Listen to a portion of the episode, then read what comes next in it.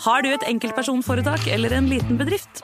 Da er du sikkert lei av å høre meg snakke om hvor enkelt det er å levere skattemeldingen med fiken, så vi eh, gir oss her. Fordi vi liker enkelt. Fiken superenkelt regnskap. Nyt sommerferien på Prime. I'm here to show you a wonderful place. Had a rough week. Opplev spennende turer. Så kan dette bli veldig farlig. Finn sommerkjærligheten. You're like a Coachella. Hi. Hi. Se på Fallout, Furia eller The Idea of You. Okie dokie. Og gjør deg klar for en sommer full av eventyr. Bare på Prime. Krever abonnement på Prime Video. Velkommen til Kjemperådet!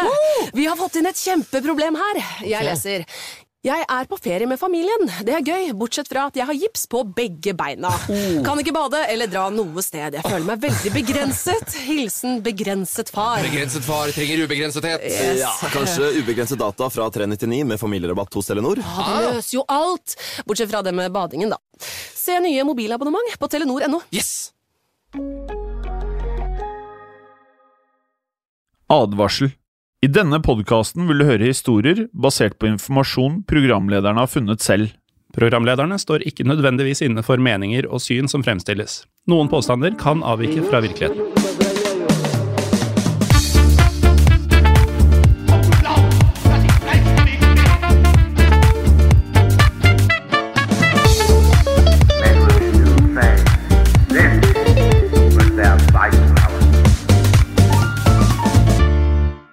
Hei og velkommen til en splitter ny episode av Historiepodden WW2. Mitt navn er altså denne uken Jim Fosheim. Og mitt navn er som vanlig Morten Galaasen. Og når jeg sier denne uken, så mener jeg da at eh, vi sitter jo i studio og spiller inn hver eneste uke, vi. Ja, og navnet forandrer seg ikke. Heller ikke det faktum at det kommer en ny episode hver uke, selv om kanskje noen av lytterne som hører på nå, ikke er klar over det. Ja, fordi vi får jo da fortsatt spørsmål både i Facebook-gruppen vår Historie for alle, på DM, på Instagram, både privat. Du er jo Macho Morten på Instagram, jeg er Jim Fasheim. Vi får det jo eh, ukentlig. Hvor blir det av episodene? Ja. Og selv om vi sier det i alle episodene som kommer på Spotify og iTunes og alle andre plattformer, eh, så er det faktisk eh, fortsatt slik da, at det tydeligvis eh, så er det ikke alt det vi sier i starten som eh, alltid går helt hjem. Nei. Men det er da slik at vi spiller inn ny episode hver uke.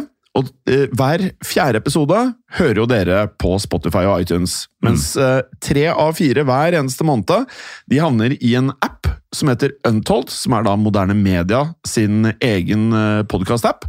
Den kan du laste ned, i hvert fall hvis du er sånn som meg, IOS-bruker, altså Apple-bruker, så laster du ned på Apple Store. Og vi Android-brukere vi kan laste ned på Google Play Store. Ellers kan du gå inn eh, og bare skrive i browseren din untold.app, så kan du også få tilgang der. Og da er det jo slik at eh, Hvis du ikke har testet det før, så kan du da prøve det ut og eh, få de første 30 dagene gratis. Og da kan du høre Morten og meg prater i VV2, Historiepodden, Gangsterpodden. Vi har også har egne podkaster her. Det har vi også, blant annet Ukrainas turbulente historie, like aktuell eh, som, som den var da vi lagde den i fjor. Og eh, det er også masse podkaster, masse podkaster uten oss også. Ja, og da, Bare for å nevne noen, da. Du har True Crime-podden. altså Pernille er med i True Crime-podden, Skrekkpodden, Synderne. Eh, vi har krisemøter der inne. Vi har Henrettelsespodden, Diktatorpodden, Spionpodden og en rekke andre podkaster i Untold. Og ikke nok med det. Nå kommer det til å komme masse nye podkaster fra forskjellige eh, med nyhetstematikk også etter sommeren. Eh, det kommer til å komme mer fotball og sportinnhold i Untold også. Eh, så test det ut. Eh, og det er fort gjort å si det opp hvis, du, hvis det ikke er noe for deg. Og ønsker du et helt år, og du bare vet at Untold eh, det skal du ha i livet ditt, så får du da eh, ekstra rabatt. Jeg lurer på om det er de to første månedene gratis. Ja. Så i sum, ikke noe å lure på. Skaff deg Untold, opprett bruker, sjekk det ut, og bli gjerne værende. Ja, veldig gjerne bli værende. Mm. I dag, Morten, så skal vi eh, prate om noe som eh, oss inkludert eh, Vi var ikke veldig godt eh, klar over det vi skal prate om. Nei, det er sant. Og vi vet jo at mange av lytterne heller ikke er det. Og så er det noen få som kommer med disse fantastiske tipsene til oss. Hvor vi til slutt bare Hvordan visste vedkommende om dette her? Og så sitter vi ofte og tenker etter vi har jobbet med episodene Dette her burde jo vært noe vi alle var klar over. Ja. Og vi gjør jo da vår del av jobben ved å um, få dette ut til folket, takket være tips fra dere lyttere. Så i dag, Jim, hvor eh, skal vi? Det kan jeg fortelle, for eh, til alle nye lyttere så er det sånn at eh, i historie på den andre verdenskrig så er vi gjerne innom tiden før annen verdenskrig, og selvfølgelig under annen verdenskrig, og tiden etter annen verdenskrig. Nå skal vi til perioden under annen verdenskrig, som er eh, i den siste delen av krigen i Europa. Og vi skal besøke et eh, sted eh, vi antar mange av dere da ikke har hørt om, for vi var heller ikke veldig godt klar over eh, områdene her. Det er nemlig to landsbyer ved navnene Hatten und Ritterhofen. Ja, og um, vi har vært litt i Tyskland begge to, Jim. Oh, ja. Um, ikke disse stedene. Um, I januar 1945 så ble disse to landsbyene åstedene for to uker med beinharde kamper mellom tyske og amerikanske styrker. For da nazistene iverksatte det de kalte um, Unternehmen Nordwind, eller Operasjon Nordavind, Ja. eh, så ble de tys siste tyske styrkene på vestfronten kasta inn i en desperat offensiv mot de allierte. Og med det, Morten, så måtte jo da amerikanske soldater eh, i nettopp Hatten og Ritterhoffen forsvare seg for alt det de kunne. Eh, noe som på et tidspunkt da resulterte i at eh, en næ... Det er ikke morsomt at han er nærsynt, men eh, det var da en nærsynt kokk som rett og slett da måtte bemanne et eh, maskingevær. Ja, og hvordan denne nærsynte kokken håndterte dette maskingeværet, det skal vi komme tilbake til, men eh, vi må sette dette litt i kontekst eh, først, Jim. Ja, og så sånn, eh, Dette her er jo litt drypp, da. Altså En kokk er jo ikke nødvendigvis den som er, eh, har mest erfaring med maskingeværene. Eh, og vi lader opp til at det å bemanne dette maskingeværet, det hadde en rolle eh, i dette her gjøre. da. Korrekt. Uh, og Da kan vi først beskrive da hvordan situasjonen på vestfronten så ut nettopp i forkanten av kampene om Hatten und Ritterhofen. Så la oss hoppe til uh, perioden det da dreier seg om, som er desember i 1944. Og På dette tidspunktet så hadde da allierte styrker presset den tyske hæren ut av flere av landene som var viktige under krigen, nemlig Frankrike, Belgia og Nederland. Og idet jula 1944 nærma seg, så hadde de allierte styrkene tatt seg til grensa av Tyskland.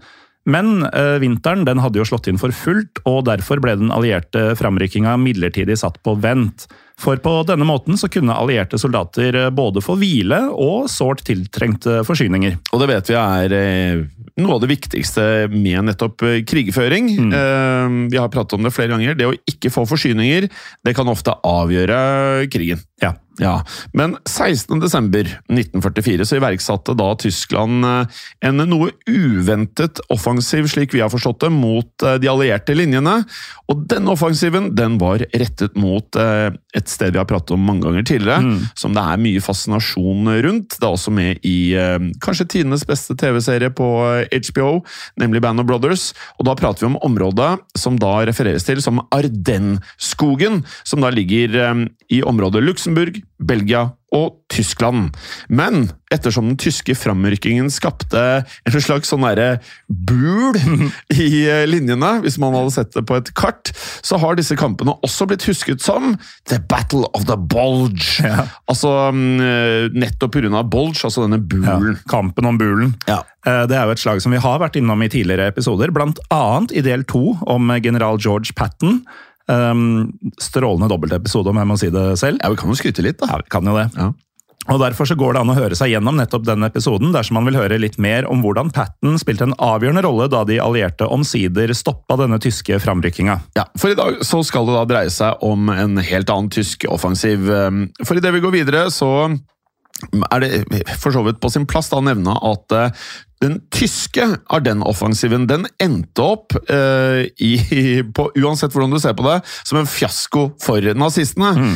28.12.1944 så måtte nemlig de tyske styrkene bare gi opp hele denne offensiven. Ja, men i forkant av det så hadde Hitler bestemt seg for å godkjenne enda en offensiv, og det var da snakk om den nevnte Operation eller Unternehmen Nordwind, som opprinnelig var tenkt å støtte de tyske styrkene som angrep i Ardennes-området.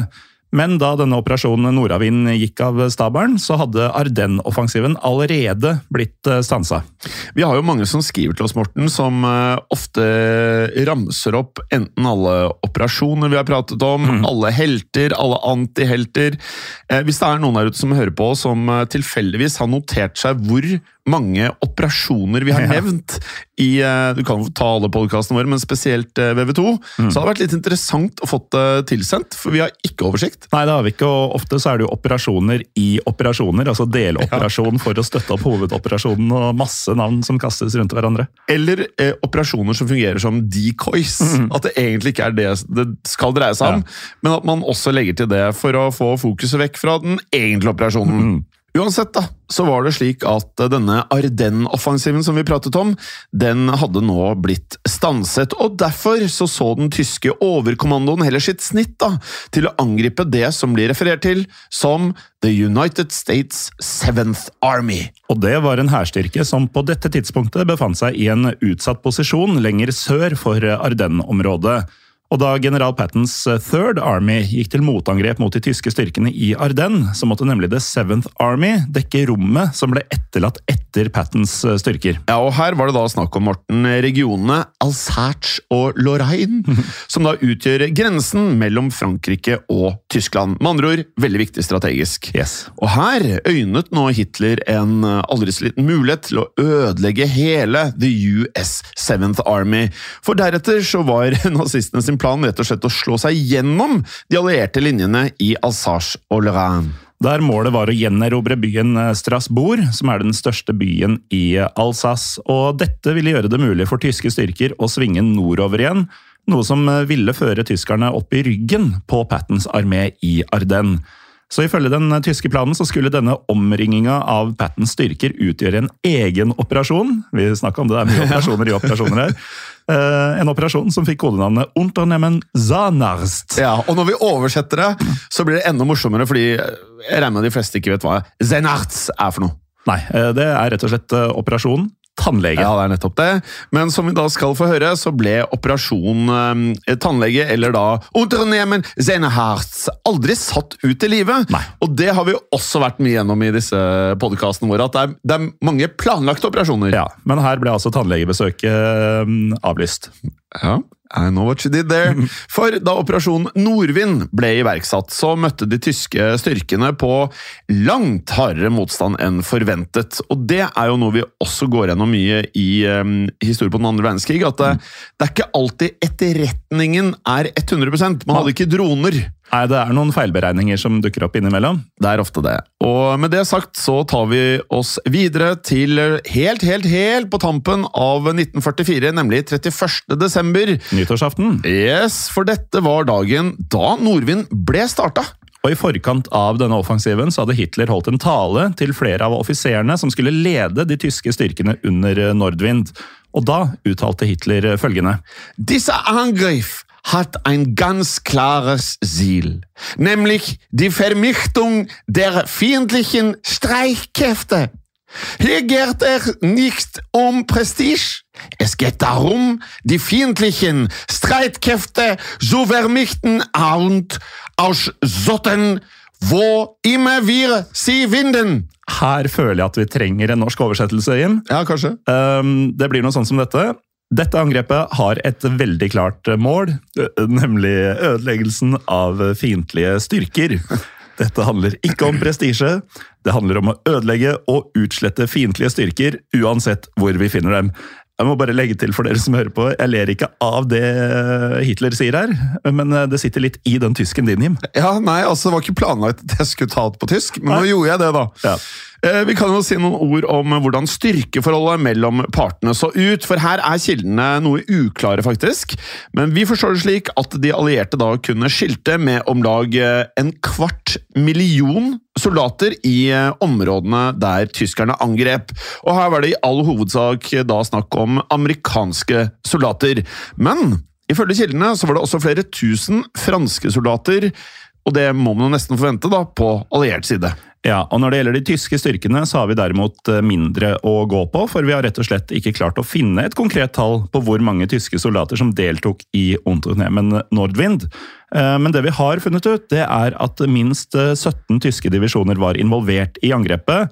Og ut fra det så kan vi gjøre et eh, lite estimat, i hvert fall. Ja, Vi er glad i estimater, Morten, og noen ganger så er det nesten det eneste man eh, har å gå på, for det er ikke alle som skriver så mye om dette her. Vi forstår det da slik at eh, størrelsen på en tysk divisjon, den var på om lag 12 til eh, 25 000 mann ofte. Ja, Og så var det snakk om minst 17 tyske divisjoner her. Ja, og dersom vi da ganger, og da vi har jo en tendens til å velge de høyeste tallene, så ganger vi da rett og slett 25 000 mann med 17. og hvis dette da stemmer, så ender vi da opp på 425 000 tyskere. I så fall så snakker man ca. 200 000 flere tyskere enn allierte soldater. Men det er jo da det høyest tenkelige estimatet. Ja. Vi kan jo ta det laveste også, eh, dersom vi sier at det er 12 000 i en divisjon. For vi er jo på slutten av krigen her, Jim. Det er sannsynlig at divisjonene ikke var fulltallige.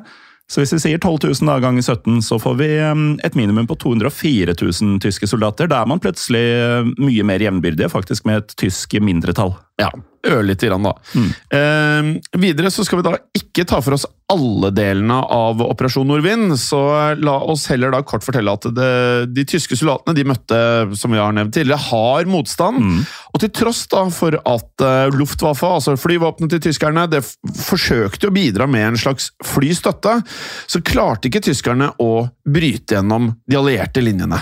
Men de amerikanske styrkene ble likevel hardt eh, pressa, for um, hvis vi reiser en uke framover, til den 7. januar 1945, så hadde tyskerne enda ikke gitt opp håpet om å lykkes, og nå skulle styrkene til den tyske obersten Hans von Luck spille en avgjørende rolle i tyskernes forsøk på å komme seirende ut. Ja, for Hans von Luck han hadde nemlig kommandoen over det såkalte 125. regiment, som da var tilknyttet det som het 21 Panzerdivisjon, og den 7. januar 1945 så forsøkte von Lux-regiment da å slå seg gjennom de allierte linjene i området Fourget. som da ligger i Alsace. Det var noen, eh, som vanlig egentlig, noen eh, språkvarianter her, Jim. Blant annet en, eh, det området Vosk, som jeg tror franskmenn ville kalt det. Eh, Men, Hva sa jeg? Vosje? Vosje, eller noe sånt. Jeg er litt usikker. Men eh, det var også noe, et spansk element i måten du sa panserdivisjon Ja, jeg skjønte det rett etter jeg sa det. Det blir vel Panserdivisjon? Ja, Ja, ikke sant? Ikke sant. Eh, uansett, eh, planen heretter til von Luck det var å avskjære de allierte forsyningslinjene som leda inn til den nærliggende byen Strasbourg. For eh, som vi nevnte, så utgjorde Strasbourg et av tyskernes eh, hovedmål, og derfor var det nå avgjørende for de allierte at eh, von Lucks angrep ble stanset. Og der hadde jo da de allierte styrkene Vauget Eventuelt eh, i Vosk-området. Ja, det kan man også si. Eh, Og her hadde de allierte da et aldri så lite S i ermet. For eh, da de eh, allierte rykket frem til den fransk-tyske grensen, så hadde de allierte da rett og slett klart å gjenerobre den franske, som vi har pratet om mange ganger tidligere, Maginot-linjen. Ja, eh, Maginot-linja som i mellomkrigstiden hadde blitt bygget for å stanse et tysk angrep på Frankrike, og derfor utgjorde denne Maginot-linja et av datidens mest formidable forsvarsverker. Eh, Noe dette utdraget fra nettsiden history.com oppsummerer fint, eh, oversatt til norsk for øvrig. Ja. Maginot-linjen, en rekke forsvarsverk som Frankrike bygde langs grensen til Tyskland på 30-tallet. Det ble designet for å forhindre en invasjon. Maginot-linjen ble bygget til en pris som muligens oversteg 90 milliarder av dagens kroner. Det er mye. Det er penger. Den 45 mil lange linjen inkluderte dusinvis av festninger, underjordiske bunkere, minefelt og kanonbatterier. Maginot-linjen ble forsterket med armert betong og 55 millioner tonn stål innebygd dypt i jorden. Den var designet for å tåle kraftig artilleriild, giftgass og hva enn tyskerne ellers kunne kaste mot linjen. Men som lyttere av denne podkasten kanskje vet, så løste tyskerne denne utfordringa ved å simpelthen marsjere rundt Maginot-linja. For da tyskerne invaderte Frankrike i 1940, så rykka den tyske hæren gjennom de ubefestede skogene i det nevnte Ardennes-området. Ja, og igjen, se veldig gjerne Band of Brothers, for det, det, det var eh, det, det er veldig interessant dette her, altså. Men i januar, altså siste år av krigen, januar 1945, så hadde da allierte styrker gjenerobret denne Maginot-linjen.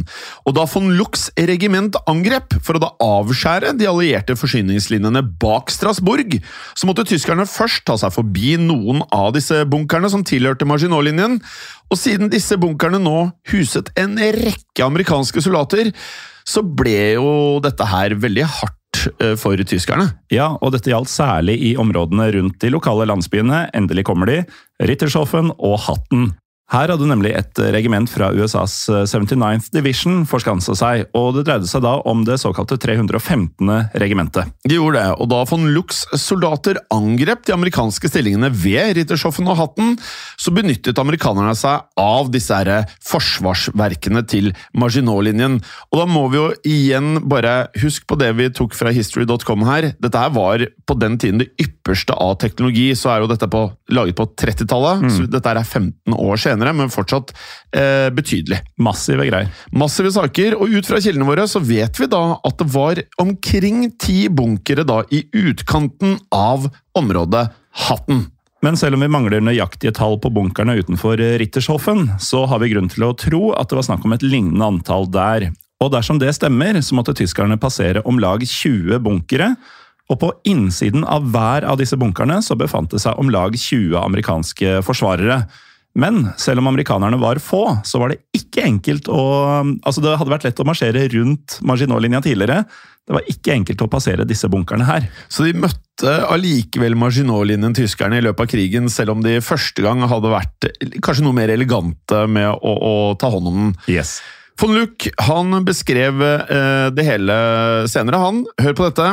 Plutselig kunne vi skimte den første bunkeren som tok imot oss med kraftig ild. Og til lyttere også, eh, første gang jeg eh, leste om dette her, så tenkte jeg bare «Oi, Bare se for deg hvis det hadde vært Band of Brothers, hvordan dette ville sett ut. Det er enkelt når vi sitter og prater om dette her. Dette her var vanvittige saker.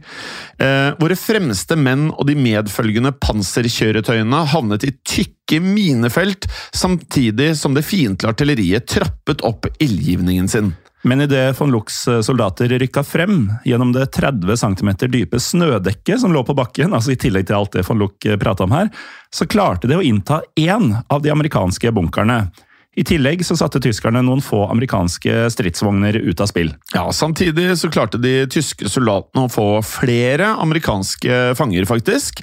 Men da det amerikanske artilleriet utsatte styrkene hans for enda tyngre ild, så måtte von Luck beordre en tilbaketrekning. Noe som ikke hindret tyskerne fra å angripe nok en gang. Nei, for i timene som fulgte, så mottok nemlig von Luck forsterkninger, som blant annet besto av 20 panserkjøretøy utstyrt med kanoner. Og I tillegg til dette så kunne von Luck nå disponere 6500 soldater. Men etter hvert så forstår vi det slik at dette tallet nesten dobla seg. Det økte til ca. 11 000. Ja, og disse soldatene de var støttet av eh, ingeniørtropper. Eh, tanks utstyrt da med flammekastere og kanoner designet for å angripe disse bunkerne. Så han har jo verktøya på plass her. Ja, det jo, Han har mye av det ypperste av teknologi, han. Eh, men til tross for dette da, så hadde von Luck fortsatt problemer å stri med, selvfølgelig. For mange av soldatene hans de hadde nemlig akkurat blitt overført fra Luftwaffe eh, og marinen. Med andre ord så hadde disse soldatene i realiteten lite eller ingen erfaring som fotsoldater. I tillegg så gjorde Tysklands nå desperate situasjon at nazistene hadde begynt å rekruttere stadig yngre soldater. Og bare hør på følgende beskrivelse fra von Luck selv. Ja, og Når vi sier yngre, så prater vi om eh, det mange vil kanskje kategorisere som barn. Ja.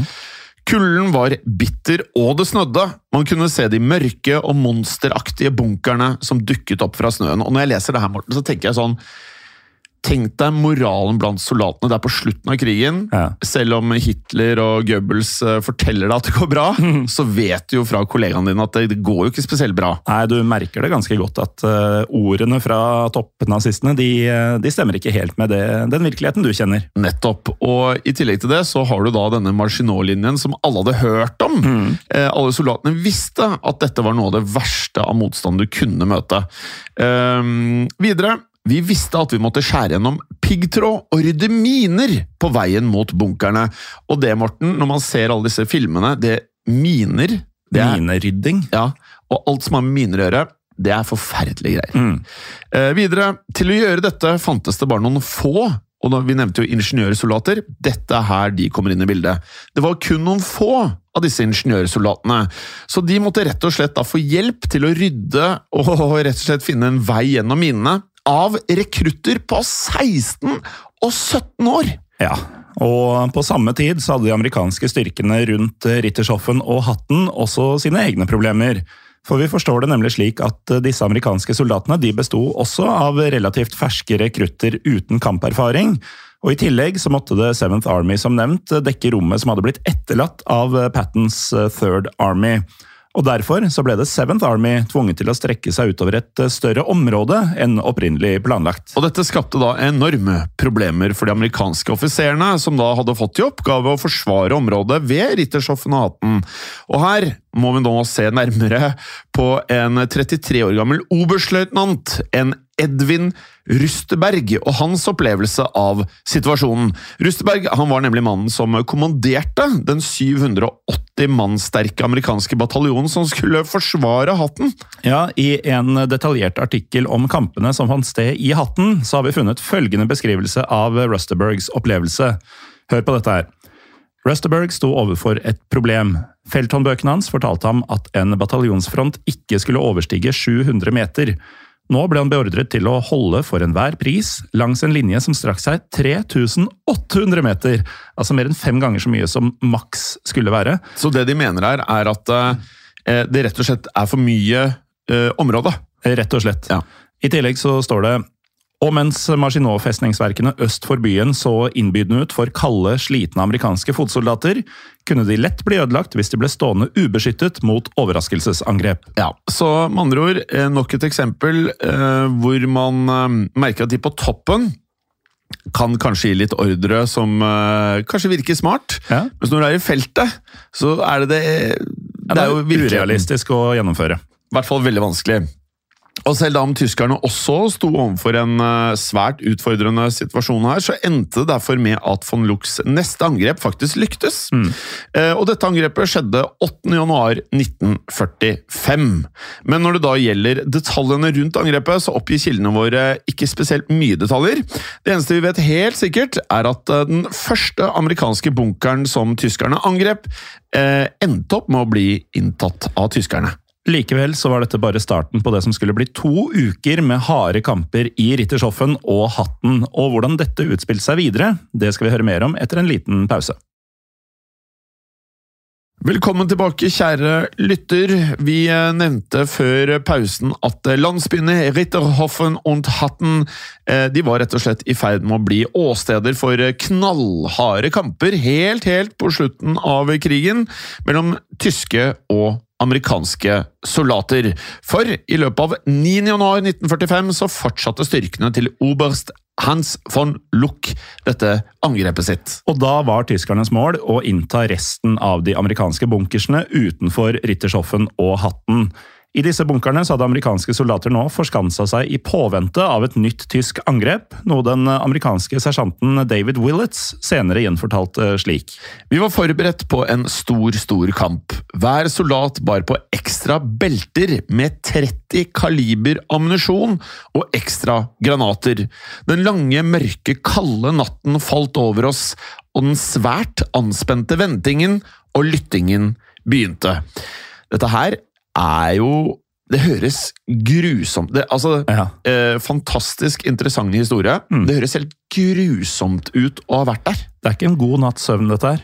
Altså, tenk deg hvis du har Du vet at du har et tidlig fly neste dag, og du legger deg og um, setter på alarmen. Jeg- Jeg får i hvert fall uh, veldig dårlig søvn fordi jeg blir så anspent av frykten for å ikke våkne tidsnok, komme av gårde tidsnok.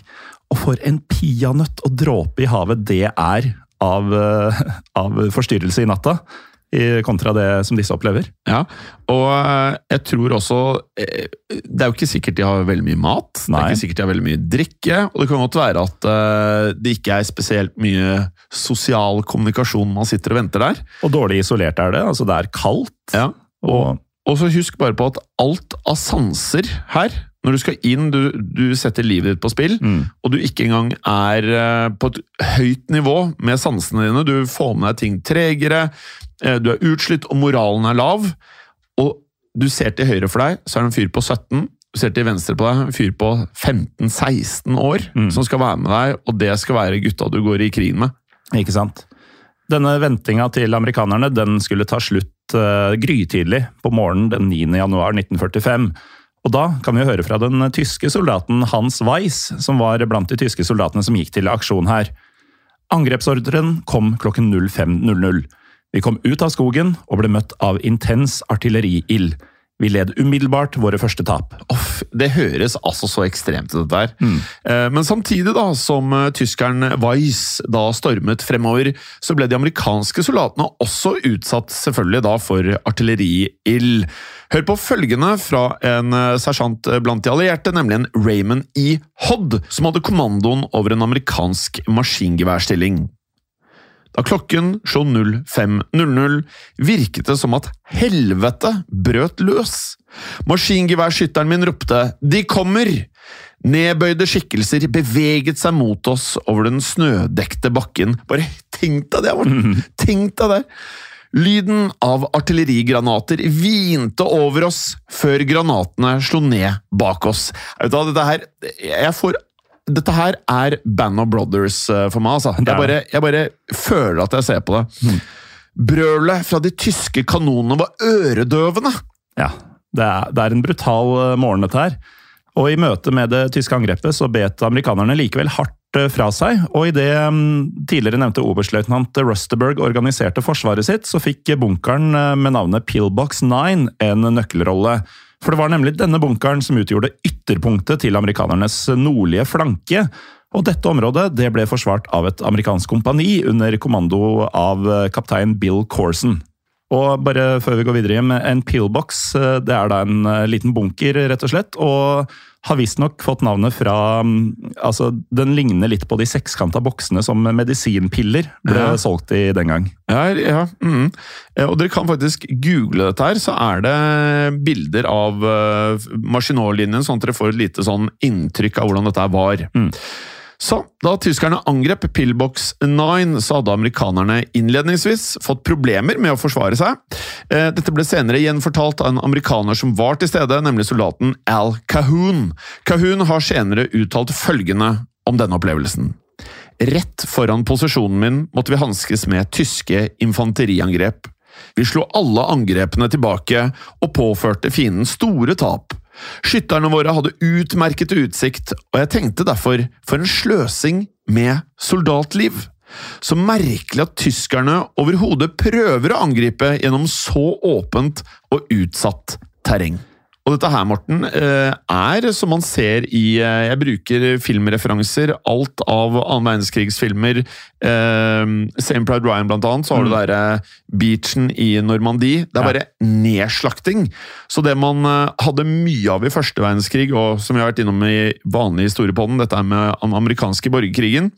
Det er mye eh, Når man ser på film, så ser man tankser som ruller fort, man ser fly, man ser eh, bykamper, at man står eh, på strategiske punkt hvor man ikke kan bli skutt selv. Her er det, eh, sånn det beskrives, er det en av de allierte som sier om motstanderne at Ja. han syns det i, i sine ord er litt tungt å skyte folk på denne måten, for det er for lett. Ja, og det sier litt om hvor, eh, altså hva slags forakt for menneskeliv, da, hvor lite ett liv er verdt eh, ifølge si, militær overkommando og sånn, når krigen blir hard nok. Ja. At eh, ja, man er Uh, expendable, som man sier på engelsk, altså ofrebar. Nettopp. Men uh, dette var ett eksempel, men eh, andre steder så eh, gikk det bedre for tyskerne. Det gjorde det, for ved hjelp av soldater utstyrt med flammekastere, apropos brutal krig, så klarte tyskerne å innta to nye bunkere, og i tråd med at kampene ble mer intensive, så begynte amerikanernes antitankkanoner å lide store tap.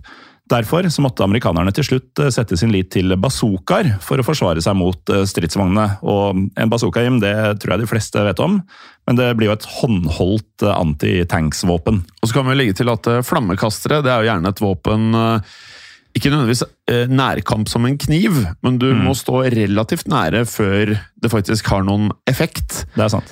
Og en annen ting, med flammekastere så har du jo sånne her eh, tanker på ryggen med gass, og blir den truffet Da er du ferdig. Ja, da er du ferdig, og det er ikke nødvendigvis eh, sånn at du, du dør momentant. Du kan stå og brenne. Ja. Uansett, denne situasjonen den eh, ble nå svært vanskelig for de amerikanske soldatene, for da klokken slo 11.00 den 9. januar 1945, så dukket det opp en ny trussel. Altså seks timer inn i slaget. Nettopp. Ut fra skogen, ved hatten, så veltet nemlig tyskernes kampgruppe Huss frem. Vi er ikke helt sikre på hvorfor de het Huss, men eh, dette var ikke en hvilken som helst eh, kampgruppe. Nei, denne kampgruppen den var utstyrt med panserkjøretøy og såkalte flampanzers. Altså, det var eh, eh, Tyskerne lagde jo mye våpen som man tenker sånn Eksisterte virkelig dette? Ja. De hadde egne panserkjøretøy som da hadde eh, flammekastere. Ja. Og du kan jo tenke deg, hvis du var de allierte her, og du ser dette komme mot deg, og det kommer flammer ut av en sånn metallgjenstand Ja. i høy fart. Det er ikke spesielt eh, behagelig. Nei, og i tillegg så kunne denne kampgruppe hos eh, disponere både artilleri og kjøretøy designa for å slå seg gjennom betongstillinger. Og da kampgruppe hos eh, satte kursen mot eh, hatten, så ble flere av de amerikanske bunkerne foran byen nærmest eh, overkjørt. Og blant de amerikanske posisjonene som nå ble inntatt, var kanonstillinga til den 21 år gamle soldaten Donald Johnson. Johnson han beskrev senere hvordan han ble tatt til fange av tyskerne. Jeg så en tysk tanks. Kanonen vår var klar. Vi skjøt én gang. Vi skjøt for andre gang. Den tredje gangen ble det skutt tilbake mot oss. Og da kanonstillinga hans ble truffet, så ble Johnson slått bevisstløs av eksplosjonen, og da han våkna, så sto det en tysk soldat over han, noe Johnson senere beskrev slik. Tyskeren gjorde tegn til at jeg skulle løfte hendene i været. Høyrearmen min fungerte ikke. Tydeligvis hadde en trestamme truffet skulderen min, så jeg brukte venstrehånden til å løfte høyrearmen min. Jeg ble en krigsfange. Bare hør på det! Jeg brukte én arm til å løfte den andre. Huh. Og dette her er Når man ser det, jeg må bare si det igjen, når man ser det på film, så tenker man sånn Ja, de har sikkert tatt seg noen uh, friheter, men jeg tror mye av det som er med, er tatt fra eksem- Det trenger ikke være akkurat i den øh, kampen, men det er tatt fra andre eksempler i krigen som man brukte og gjenfortalte. Og det vi har lært av flere år nå med historie på den andre verdenskrig og historie på den, er jo at eh, virkeligheten ofte overgår fiksjonen. Så kanskje trenger man ikke å ta seg friheter når man eh, skildrer eh, sånne ting. Det er nettopp det. Eh, Idet vi da går videre, så kan vi legge til at tyskerne nå inntok stadig flere amerikanske bunkere. Og dermed så ble de amerikanske forsvarerne i disse bunkerne tvunget til å enten overgi seg, eller å flykte mot Hatten og Rittershoffen. Som deretter ble angrepet av de tyske styrkene, og dermed ble Hatten og Rittershoffen åsteder for harde gatekamper idet tyskerne og amerikanerne kjempa fra hus til hus. Og da situasjonen ble desperat for amerikanerne, så måtte både radiooperatører, stabsoffiserer og annet personell kastes inn i forsvaret av disse landsbyene. Og dermed så ble den eh, menige soldaten Vito Bertoldo også nødt til å delta i forsvaret mot tyskerne. Og nå kommer den eh, lovede mannen fra tidlig i episoden, Jim. Ja, for vi nevnte jo dette her med at en, det var en kokk som skulle være en sentral del av historien i dag. Og vi leverer, for eh, på papiret så var jo ikke dette ideelt. For Bertoldo, han var jo denne kokken. Ja, Når du sier ikke ideelt, så er det jo grunn til å tro at en kokk ikke nødvendigvis er den fødte soldat. Nei, ikke nødvendigvis. Og så har du jo Du har ikke mye kamperfaring heller. Nei. Ehm, og i tillegg til at han da var kokk og hadde lite kamperfaring eh, og kunne lite om våpnene, så var eh, Bertoldo eh, svært nærsynt. Mm. For han skal ha brukt veldig kraftige briller. Ja, Sånn gode, gamle, tjukke briller. Ja. Men da tyske soldater angrep kommandoposten til oberstløytnant Rusterberg, så fikk Bertoldo da likevel ansvaret for å bemanne et maskingevær. Og nå har vi lagt til rette, Jim, for at dette kan ikke gå så bra. Ja, og her skal da Bertoldo ha utmerket seg ved å nærmest egenhendig ha stanset det tyske angrepet! Så nøkkelen er da en nærsynt kokk på maskingevær. Da, da ordner det seg. Likevel så fortsatte kampene i hatten, og dette ble senere beskrevet slik av den nevnte oberstløytnant Rusterberg. Jeg kunne se Vito Bertoldo og hans maskingevær meie ned en kolonne med tysk infanteri som fulgte etter en stridsvogn som angrep kommandoposten vår på kloss hold. Ja, og bare det her sier jo litt, da.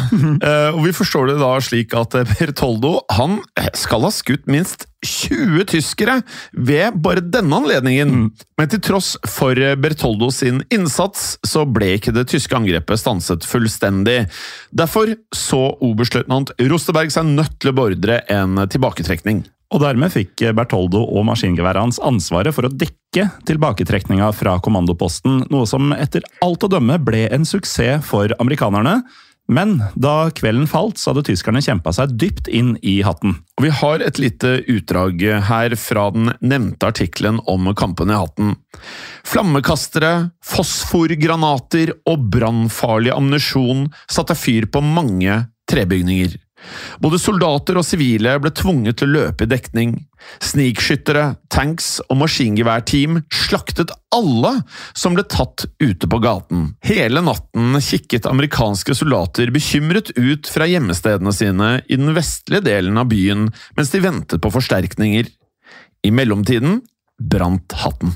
Jeg merker Jim, når vi snakker om harde kamper, f.eks., Ja. så er det litt sånn, nesten litt sånn sterilt ordvalg. Fordi dette her er så brutalt. Vi har vært innom hvor ille det er med flammekastere og miner og sånn. Fosforgranater og brannfarlig ammunisjon. Og det er trebygninger det er snakk om. Ja. Altså, det er jo et inferno, dette her. Det er knallhardt! Ja, det er så mye mer brutalt enn bare harde kamper. Og du vet at eh, mange tenker nok litt sånn i 1945. Da Mm. var jo krigen litt på vei Eller på hell for tyskerne. Ja. Det er fortsatt knallhardt. Ja, og jo mer på hell, jo mer desperat blir man jo. Eh, Så ved daggry den 10. januar 1945 så fikk amerikanerne i hatten heldigvis forsterkninger. Og disse forsterkningene de kom i form av to erfarne kompanier. Men så fort disse kompaniene hadde kjempa seg inn i byen, så ble hatten utsatt for et kraftig tysk motangrep. Og idet flere dusin tyske tanks gikk til aksjon, så måtte tyskerne igjen passere en nærsynt kokk med maskingevær. Ja, de måtte det, for eh, da tyskerne da nærmet seg den nye stillingen til Bertoldo, så holdt Bertoldo nok en gang stand, og fra toppetasjen på et trehus fyrte Bertoldo løs mot tyske soldater og panserkjøretøy.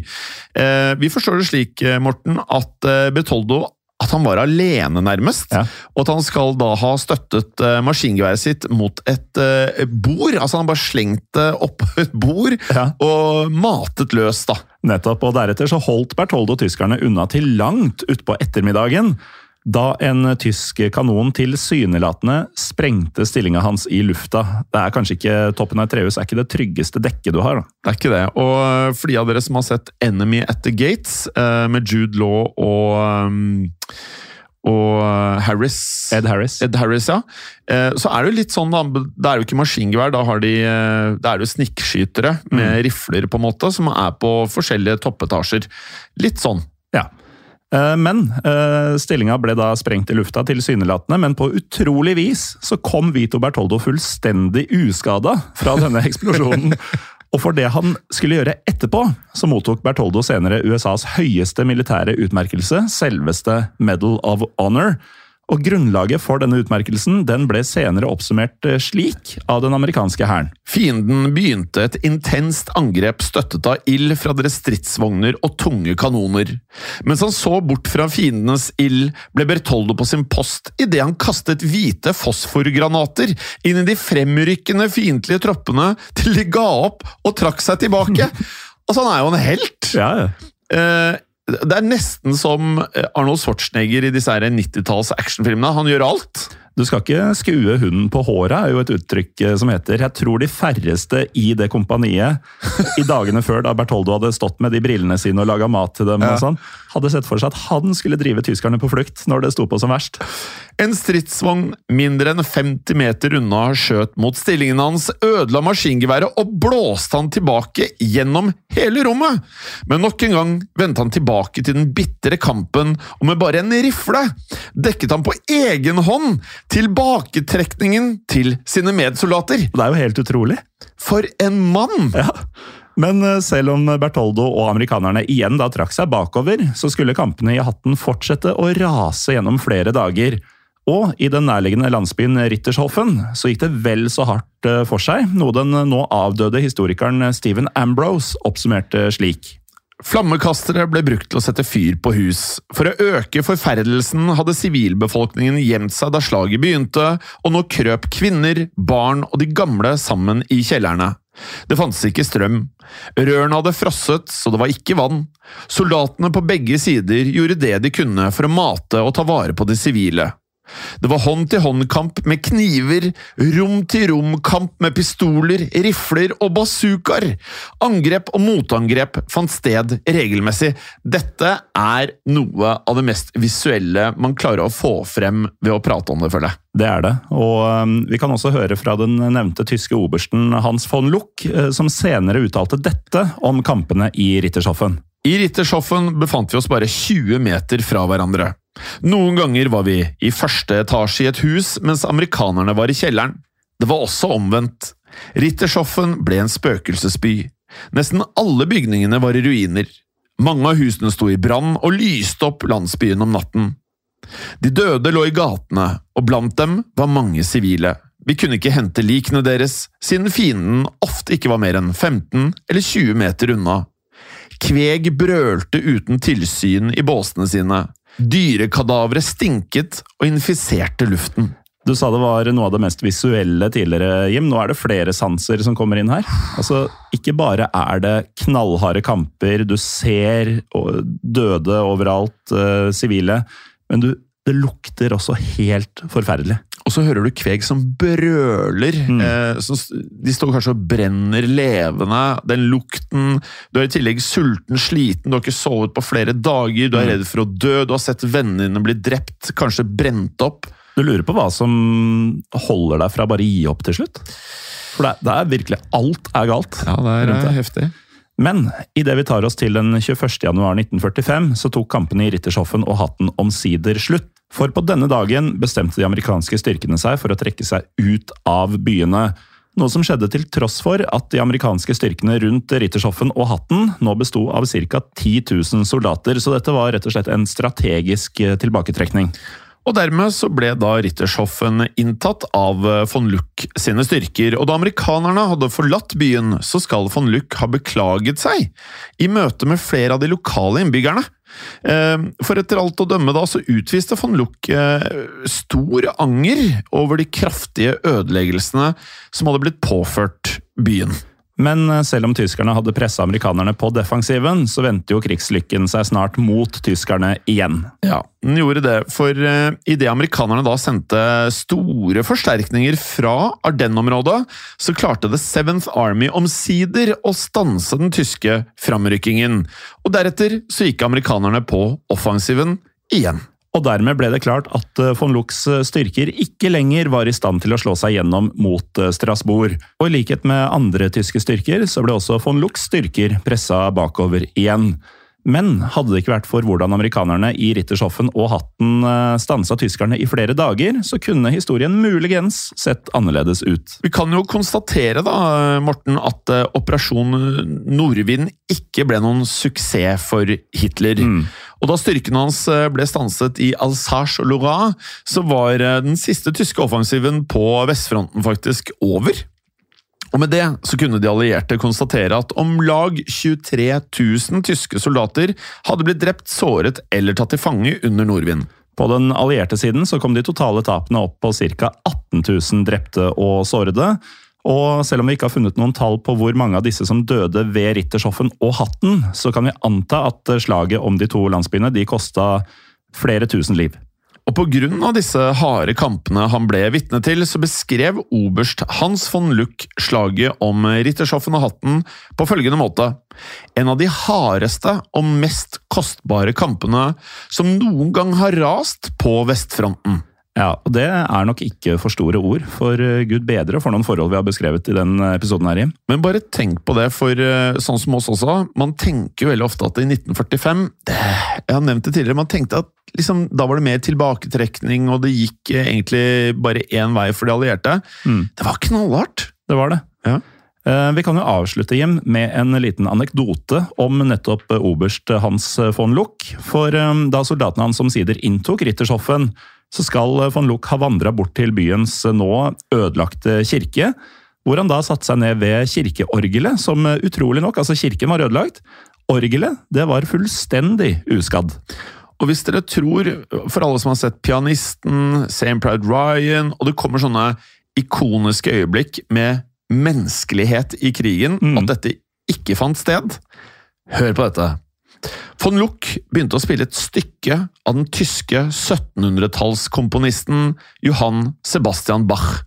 Stykket von Luck spilte het Non danket alle godt, som da på norsk blir noe sånn som Nå takker vi alle vår Gud. Og da von Luck spilte, så skal gråtende tyske soldater og sivile ha samlet seg rundt ham for å høre på orgelet hans. Det hadde gitt så store frysninger hvis man hadde sett det i en film eller serie. Ja, Altså For en stor scene det hadde vært. Altså, du har folk som sikkert går rundt og amputerte deler av kroppen, bandasje over øyet. Eh, og vi har jo nevnt det her tidligere, om du er på tapende eller vinnende siden. Skal dere glemme dette med at eh, når det ikke er en krig lenger, så er eh, formålet til en soldat borte. Ja. Så det er litt med at både er det forferdelig, du har sett folk dø, du har drept folk, ting Det er mye emosjoner, du er kanskje Posttraumatisk stressyndrom er på vei inn. Eh, man kalte vel den gang shell-shocked. Eh, det er mye følelser, og når du sitter og hører på dette her, jeg tipper det var mange som bare gråt, hulket og skrek mens de hørte på dette her. Det tror jeg. Og um, med det så er vi ved veis ende med denne delen av andre verdenskrig, Jim. Men vi er interessert i mange mange flere tips til um, spesielt kanskje disse litt mer obskure, men avgjørende og veldig innholdsrike slagene og stedene som, har vært, um, som foregikk under andre verdenskrig. Så følg oss gjerne på Instagram og Facebook, Historiepodden Norge i ett ord begge steder. Mm. Eh, og så har vi jo da denne Facebook-gruppen vår, Historie for alle. Eh, og så bare litt ånden over meg, Morten. Eh, når vi gikk på skolen, du og jeg, og hadde historietimer, det var så mye av det hvor jeg tenkte sånn Dette er ikke jeg, jeg, jeg har ikke interesse nok for det du prøver å lære meg. Nei. Til alle lærere og alle som liksom sitter og skal lage pensum og slikt, er det ikke kanskje noe i rom da, for noe sånn som dette? Dette her vekker jo følelser hos uh, unge mennesker. Det er jo, dette her er noe som faktisk har skjedd, og det beskriver uh, mye av det som eh, er hverdagen i en krig. da. Ja, så det, du tar det vekk fra håper å si, faktaopplysninger og statistikker til å gjøre det menneskelig og levende. Ja.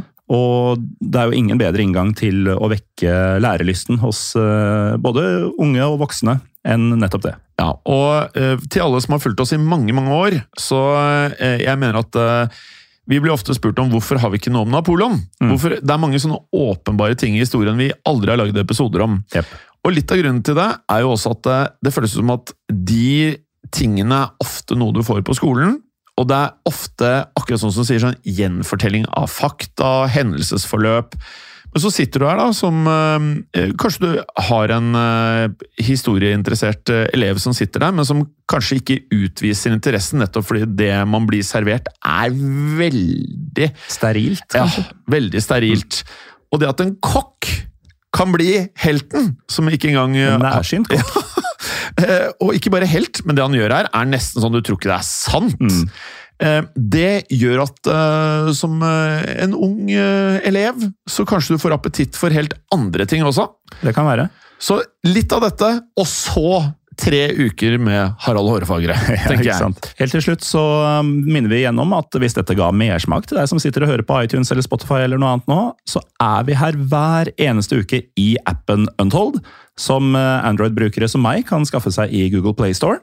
Og bruker du iPhone, så får du det i AppStore, eller så kan du rett og slett gå i browseren, og så skriver du bare untold.app. Og alle sammen som ikke har testet det før, får da første måneden helt gratis. Så er det ikke noe for deg, så hopper du bare ut igjen, så det er ikke så mye å tape på det. Morten, dette her har skjedd. Og det kan skje igjen. Ha det bra. Ha det. Historiepodden ønsker å takke følgende. Dere som hjelper oss som sitter i produksjonen. Dere som hjelper oss som sitter i redaksjonen, inkludert eh, tekstforfattere. Det er helt riktig. Og dere som sitter på marked, som faktisk da gir oss muligheten til å drive med Historiepodden. Og selvfølgelig alle dere som hører på. Tusen takk. moderne media.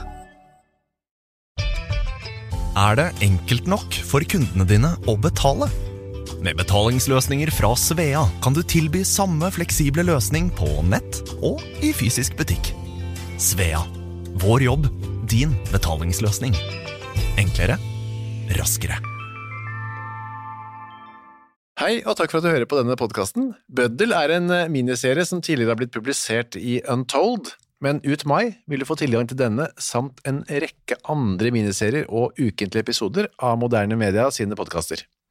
Du finner Bøddel og andre podkaster som Henrettelsespodden helt reklamefritt i Untold. Som en liten smakebit så får du hver uke i mai en ny episode av disse podkastene, som vanligvis kun er tilgjengelig for Untold-abonnenter. Hvis du liker det du hører, så bør du laste ned Untold, eller gå til untold.app for å starte ditt abonnement i dag. Hei, Fredrik og Bjørn Henning her. Vår nye podkast Fordomspodden den er ute nå. Podkasten der norske kjendiser møter seg selv i døra. Har Kristin Gjelsvik alltid drømt om å lære seg å jodle? Ler Stig-Henrik Hoff av eventyret Askeladden som kappåt med trollet? Bytter Katrin Sagen dobørste minst to ganger i året? Og har Didrik Solli Tangen sunget My Heart Is Yours som nattasang for barna sine? Hver uke blir nemlig én ny gjest konfrontert med både store og små fordommer i vårt forsøk på å komme til bunns i hvem de egentlig er.